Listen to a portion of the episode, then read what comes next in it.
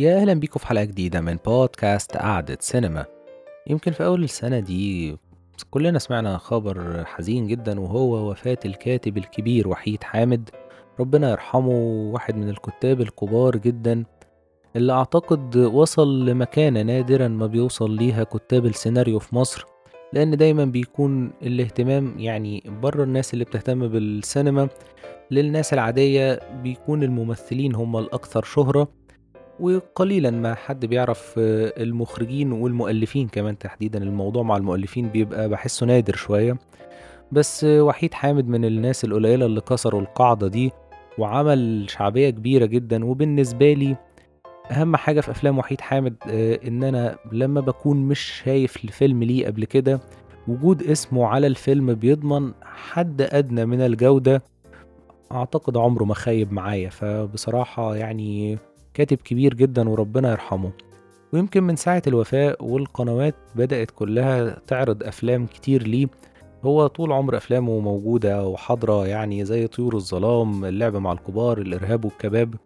بس كمان بدأت أفلام أقدم شويتين ليه ومش بتتعرض كتير زي الإنسان يعيش مرة واحدة لعادل إمام ويسرى واحد من الأفلام اللي بحبها جدا. وبالصدفة لقيت إن هيتعرض فيلم أنا وأنت وساعات السفر. الفيلم ده موجود على اليوتيوب وأنا ما كنتش حابب أشوفه لأن ال quality على اليوتيوب مش أحلى حاجة بس تتشاف. بس لما لقيت إن الفرصة إن هو يكون موجود على التلفزيون ال quality كانت أحسن شويتين فاستنيت أشوفه وعجبني جدا وقلت نتكلم عليه بما إن مش ناس كتير قوي بتتكلم عنه. وفيلمنا من إخراج محمد نبيه وبطولة يحيى الفخراني ونيلي وموسيقى محمد هلال اللي عمل موسيقى جميلة جدا وتقدروا ترجعوا تسمعوها على اليوتيوب أو ال SoundCloud هي جميلة جدا حتى لو ما شفتش الفيلم لطيفة جدا الواحد يسمعها. وخلينا نفتكر مع بعض قصة فيلمنا. الفيلم بيحكي عن الكاتب عزت هلال اللي بيجد صعوبة في الوصول لبيته في عز الزحمة ولما الميكروباص اللي راكبه بيتعطل قريب من محطة مصر آه، تحت ضغط بقى الزحمة والملل فبيقرر يركب قطر بلا هدف محدد. وبيعرف بعدها إن ده قطر اسكندرية وبالصدفة بيقابل واحدة ست حاجزة كرسيين علشان تقعد براحتها ومحدش يضايقها فبتطلب بإلحاح إنه يشاركها الكرسي اللي جنبها وبنكتشف كلنا إنهم كان بينهم علاقة حب انتهت من 11 سنة وبينطلق بينهم حديث طويل. بالصدفة إن وحيد حامد الله يرحمه في واحد من حواراته الأخيرة مع جريدة الأهرام يمكن لقيته في شهر 11 التاريخ بتاع الحوار بيحكي إن هو فعلا كان زي عزة هلال من سكان مصر الجديدة وكان في وكان واقف في محطة مصر وقتها التاكسيات كانت بتاخد الفرد لحد روكسي حسب كلامه وخلال انتظاره في ساعة الظهر كده كانت الدنيا زحمة جدا والناس واقفة طابور فسمع صفارة القطر وقام راكب الديزل برضه زي هلال وقال يروح ويرجع بسبب الملل والزهق. الساعة زي ما قلت كانت الظهرية كده والدنيا زحمة فلقى برضه ست قاعدة نفس الموقف اللي قبله يحيى الفخراني مع نيلي. واحدة قاعدة على الكرسي والناس كلها بتبص على الكرسي الفاضي جنبها. بس حسب كلامه إنها كانت بتحمي نفسها بحجز الكرسيين دول وتوسمت فيه خير وسلام كده يعني لقيته راجل محترم ولطيف فشاورت ليه يقعد جنبها. ومن هنا جت فكرة الفيلم. فزي ما بيقول الحكايات مش بتيجي من فراغ خالص وبالنسبة لقصة سلوى اللي لعبتها نيلي بيقول إن كل الناس أو كل معظم البنات اللي حبها الناس اللي حواليه في الفترة دي على حد كلامه بعد قصص حب عنيفة اتجوزوا رجالة أكبر منهم في السن لأنه بيكون أجهز حسب كلامه يعني فكرة العريس الجاهز ودي تناولها في الفيلم فهي بتحب زميلها في الجامعة وبتروح تتجوز واحد جاهز. فدايما بيقول إن الأفكار بتكون مرتبطة بالناس وده اللي بيقربوا ليهم جدا وبيخلي أفلامه الناس بتحبها و على اختلاف مستوياتهم الاجتماعية دايما تحس إن هو في رابط بينه وبين الناس وده أعتقد يعني أحد أسباب العظمة اللي في أفلامه. وهو بيقول برضو إن الفيلم ده من كتر ما هو كان قصة قريبة وناس كتير عانوا منه يعني سواء ستات أو رجالة لأن هم اختاروا يعيشوا لأسباب اقتصادية واجتماعية مع ناس مش بيحبوهم. الفيلم ده عمل ردود فعل كتيرة وبقول تليفونه ما كانش بيقف والآراء كانت بين الغاضبة والراضية. وفي ناس يقولوا له أنت عرفت إزاي قصة حياتنا وبتكتب عنها؟ وفي ناس كانت مش سعيدة خالص بالموضوع. وخلينا نتكلم شوية في الفيلم. الحقيقة الفيلم بيملك فصل افتتاحي موفّق جدًا، رغم إن هو مش بيبدأ في القطر، بس الحبّة اللي كانوا قبل القطر ادّوني زي كده إحساس حياة عِزّت ماشية إزاي، لإن هو بيكون في مكان شغله مكتب كده وصاحبه بيقول له أوصّلك، قال لأ أنا هاركب المواصلات والدنيا دايمًا واقفة، راجل حياته شكله بيعاني فيها من ملل وخنقة كده جامدة أوي، فبينزل الشارع وبيلاقي فعلًا زحمة كبيرة وارتباك، وكل دوّة يعني نزل كان في شوية لقطات للشارع ممزوجين بأنواع موسيقى كتير كل معظمها شعبي ومعظمها وِحِش، فخلْط الزحمة بفكرة الذوق السيء في الموسيقى كمشكلتين بيتناولهم الفيلم بسرعة جدًا وتقريبًا بدون ولا كلمة، ادّاني انطباع عن شكل المجتمع في اللحظة دي، وهي المشكلة مكمّلة بس يعني هو أرّخ للحظة دي في التمانينات. كان شكلها عامل إزاي، والموسيقى عاملة إزاي، والمشكلة بادئة إزاي، يعني مشكلة الذوق السيء كانت زي مثلًا فكرة فيلم الكيف، وكمان وضّح لنا الزحمة عاملة إيه، فبصراحة كانت حاجة موفّقة جدًا، وعلى ذكر فيلم الكيف في حركة كانت صايعة جدًا بالنسبة لي، بيركب يحيى الفخراني الميكروباص وبتشتغل أغنية الكيمي كيميكا بصوت محمود عبد العزيز، أشهر أغنية في فيلم الكيف، فكانت حركة صايعة جدًا وكأن دي يعني قمة الذوق الوِحِش في المزيكا إن هُم يسمعوه في الميكروباص في الفترة دي في التمانينات يعني، لإن إحنا بنشوف حتى في آخر فيلم الكيف الأغنية الناس بيقولوا إزاي إن هي بقت يعني عاملة زي المخدرات بيفضلوا يسمعوها وبتفضل تشتغل في آخر الفيلم، فكان قرار موفّق جدًا من المُخرج والمؤلف. يعني بصراحة كانت حركة حلوة جدًا. فكل الضغوط اللي بنلاقيها في الفصل الافتتاحي دي بتخلّيه فعلًا يركب القطر آآ بعد ما الميكروباص اتعطّل زي ما وحيد حامد عمل في الحقيقة، وبسبب حسب كلام عِزّت هلال بطلنا بيقول إن عشان القطر دايمًا ماشي. الحقيقة الفيلم كمان فيه حاجتين مميزين جدًا هُم الحوار والشخصيات فيه، وخلّيني أبدأ شوية بالحوار لإن الحوار ده في فيلمنا ممكن يكون هو العمود الفقري للفيلم، لإن هو معظم وقتنا جوّه القطر والمعظم بيكون حوار بين البطل والبطلة آآ سلوى اللي لعبتها نيلي و وعِزّت اللي لعبه يحيى الفخراني، آآ حوار سَلِس بسيط مش مفتعل، فيه فلسفة عميقة بس مش صعب الفهم، يعني مش موجّه لنخبة محددة، مش لازم تكون آآ عندك قدر من الثقافة أو العلم محدد عشان تقدر تفهم الفيلم أو تفهم الكلام اللي بينهم، لأ بسيط جدًا بس بيوصل لكل الناس، وقدر في حوار بين اتنين بيحبوا بعض. وحيد حامد عرف يتكلم عن الحب اللي شبّهه إنه كائن حي ممكن يتعب ويمرض ويمرض سوري ويتجنن،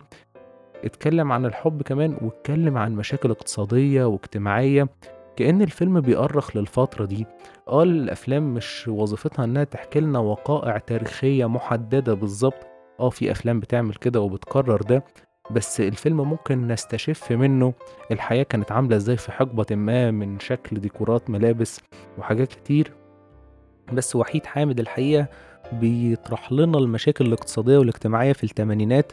بشكل ذكي جدًا، سلس جدًا، ما تتخيلش إن الاتنين دول أول حتى ما بنعرف إن هُم كانوا على علاقة حب قبل كده، إن إحنا نوصل لكلام زي ده، بصراحة حاجة عبقرية جدًا، وكمان عرض وجهة نظر إن عِزّت كان كاتب وأديب إن وجهة نظره في الأدب، إن الأدب ممكن يقدّم عالم وردي وإن دور الفن يخلق متنفس وأمل للناس، وما أعرفش هل دي كانت وجهة نظر وحيد حامد في الفترة دي والّا واحدة من وجهات النظر اللي كان ممكن يتّبعها،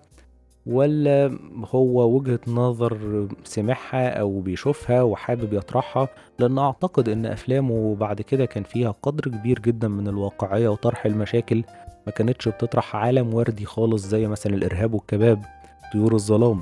ف يعني اتكلم حتى عن الأدب بين اتنين في علاقة حب، وطرح وجهة نظر مختلفة، فبجد يعني حاجة عبقرية ومش في الفيلم ده الحقيقة كل أفلامه الحوارات فيها بتبقى حلوة جدًا، يمكن اتفرّجت تاني على فيلم طيور الظلام لمّا اتذاع برضه في التلفزيون، آآ الحوارات فيه جميلة جدًا، الحوارات دايمًا بتبقى متماسكة قوية، والإرهاب والكباب برضه يمكن دول عشان آخر حاجتين شُفتهم آآ قبل الفيلم فباتكلم عنهم كل شوية. الشخصيات كانت حلوة جدًا، آآ الشخصية بتاعة سلوى مكتوبة حلو جدًا، واقعية جدًا، شخصية عزت بعد ما سمعت القصة بتاعة وحيد حامد حسيت إن هو في منه ممكن حسيت إن هو الاختناق من الملل ال ال اختناق الملل ده؟ لأ، الاختناق والملل في حياته، عدم حُب الزحمة، كل دي مشاكل. حتى في واحد من الinterviews اللي شُفتهم في التلفزيون قبل كده وحيد حامد برضه بيشتكي من الزحمة، فحسيت إن دي في ملمح من الكاتب، بس الشخصية عامةً كانت حلوة جدًا ومكتوبة بشكل كويس جدًا، ولازم أشيد بموهبة يحيى الفخراني واحد من أكثر الموهوبين في تاريخ مصر، ممثل عبقري عنده قدرة يأدّي أنواع كتير جدًا، يعني نشوف شخصيته هنا، نشوف في الكيف طبعًا في المسلسلات، شخصية ونوس واحدة من الشخصيات الأيقونية بالنسبة لي، يعني مش يعني مش عايز أختزل الحاجات الحلوة اللي عملها دول اللي جُم في دماغي في اللحظة دي، فدايمًا متميز جدًا في أداءاته، ونيلي أنا باحب أدائها جدًا، ويمكن ده مش التعاون الوحيد ليها مع وحيد حامد، أنا شُفت برضه تعاونهم في فيلم الغول كان مع عادل إمام وفريد شوقي، كان الثلاثي برضه ممتعين جدًا على مستوى التجسيد، وفيلم الغول من الأفلام اللي باحبها برضه لوحيد حامد جدًا. فالشخصيات هنا آه كانت متميزة أبطالنا، بس الشخصيات الفرعية اللي كانت في القطر بما إن إحنا مش هنفضل قاعدين في القطر بنتكلم عليهم طول الوقت، آه ممكن الفيلم كان ياخد القرار ده، بس في شخصيات فرعية في القطر ما كانش ليها علاقة بالعمود الفقري لأحداثنا، بس كانت حلوة جدًا ووجودها أضاف للفيلم. يعني الطبيعي إن القطر بالنسبة لوحيد حامد هيعتبره كمجتمع صغير أو جزء من المجتمع هيطرحه لنا كده زي ما عمل في عمارة يعقوبيان مثلًا، بس كان الشكل موسّع وطابع الفيلم مختلف طبعًا، بس الشخصيات هنا زي الراجل اللي كان قاعد لازق لهم ده كان مخنوق منهم جدًا، وبصراحة الراجل اللي أنا حسيت إن هو رخم جدًا الحقيقة، بس في شخصيات كانت حلوة جدًا، شخصية الزوج المخنوق من مراته اللي لعبها نبيل بدر صاحب الدور الأيقوني في رأفت الهجان الجزء الأول سوسو ليفي الخواجة سوسو، أنا باحب دور الخواجة سوسو ده جدًا، وكان في كيميا حلوة أوي بينه وبين محمود عبد العزيز، وكانت حتى بتطلّع كوميديا حلوة جدًا. بس هنا فعلًا برضه بيقدّم كوميديته الحلوة اللي مش مفتعلة والمواقف مضحكة جدًا رغم إن الكوميديا أحيانًا بتقدم وبتبقى رخمة شوية، لأ بس هنا الكوميديا ظريفة جدًا وبسيطة، يعني. زوج مخنوق أكيد أي حد فينا شاف زوج مخنوق و بس هو كان عامله بطريقة لطيفة جدًا، وكان في برضه شخصية واحد بيلعب كوتشينة باستمرار آآ لعبه محمد الشرقاوي اللي كان مثل مع عادل إمام في فيلم الأفوكاتو، كان عامل دور حلو جدًا وظريف وكان ليه إفيه جامد جدًا، جدًا، جدًا في أول أو تاني مشهد ليه. فالنقطتين دول كانوا حلوين جدًا الحوار والشخصيات، وإن كان ليّا مأخذ وحيد على الفيلم إن يحيى الفخراني أخد وقت طويل شوية على أمّا يتعرّف على نيلي، آآ يعني الحكاية طوّلت شوية بس رغم كده لازم أعترف إن كان في اجتهاد في التفاصيل في الكتابة من وحيد حامد في الحوار بينهم، والمخرج برضه عمل مجهود يُحترم إن هو حاول يتغلب على المشكلة دي، ورجع بينا flashback ورانا إن شكلها كان مختلف شوية، لون شعرها كان مختلف، وكانت لابسة نضارة وأخد باله إن كان في حسنة كانت مش باينة وأخد باله منها يعني. حسيت إن هُم بيحاولوا يحترموا عقل المشاهد، فدي حاجة حلوة جدًا، والفيلم برضه بيقدّم لنا حاجات حلوة أوي لو ده المأخذ الوحيد ما أعتقدش إنها تكون مشكلة كبيرة خالص، وزي ما قُلت كفاية إن هُم حاولوا يحترموا عقل المشاهد ودي مش بتحصل كتير أوي بالذات في مصر يعني. كمان الحاجة بقى اللي كانت برّه إيدين الناس في الفترة دي، المشاكل التقنية، الصوت في الأفلام بتاعة التمانينات والتسعينات ويمكن آخر السبعينات كمان وِحِش. آمم أفلام كتيرة اتظلمت، يمكن باشوف أفلام لداوود عبد السيد، محمد خان، وعاطف الطيب وكل الناس دي اللي عملوا أفلام حلوة أوي، الصوت برضه مش حلو أوي، والفيلم النسخ المتاحة منه مش حلوة، يعني أتمنى يكون في مشروع لترميم الأفلام دي، يمكن مؤخرًا أفلام يوسف شاهين لمّا اتعرضت على النتفليكس الترميم كان حلو جدًا، وإن كان برضه الصوت برضه كان فيه مشكلة، بس في أفلام بدأت تاخد حظّها زي اللعب مع الكبار، البيضة والحجر في نسخة منه مترممة حلوة أوي م مؤخرًا شُفتها،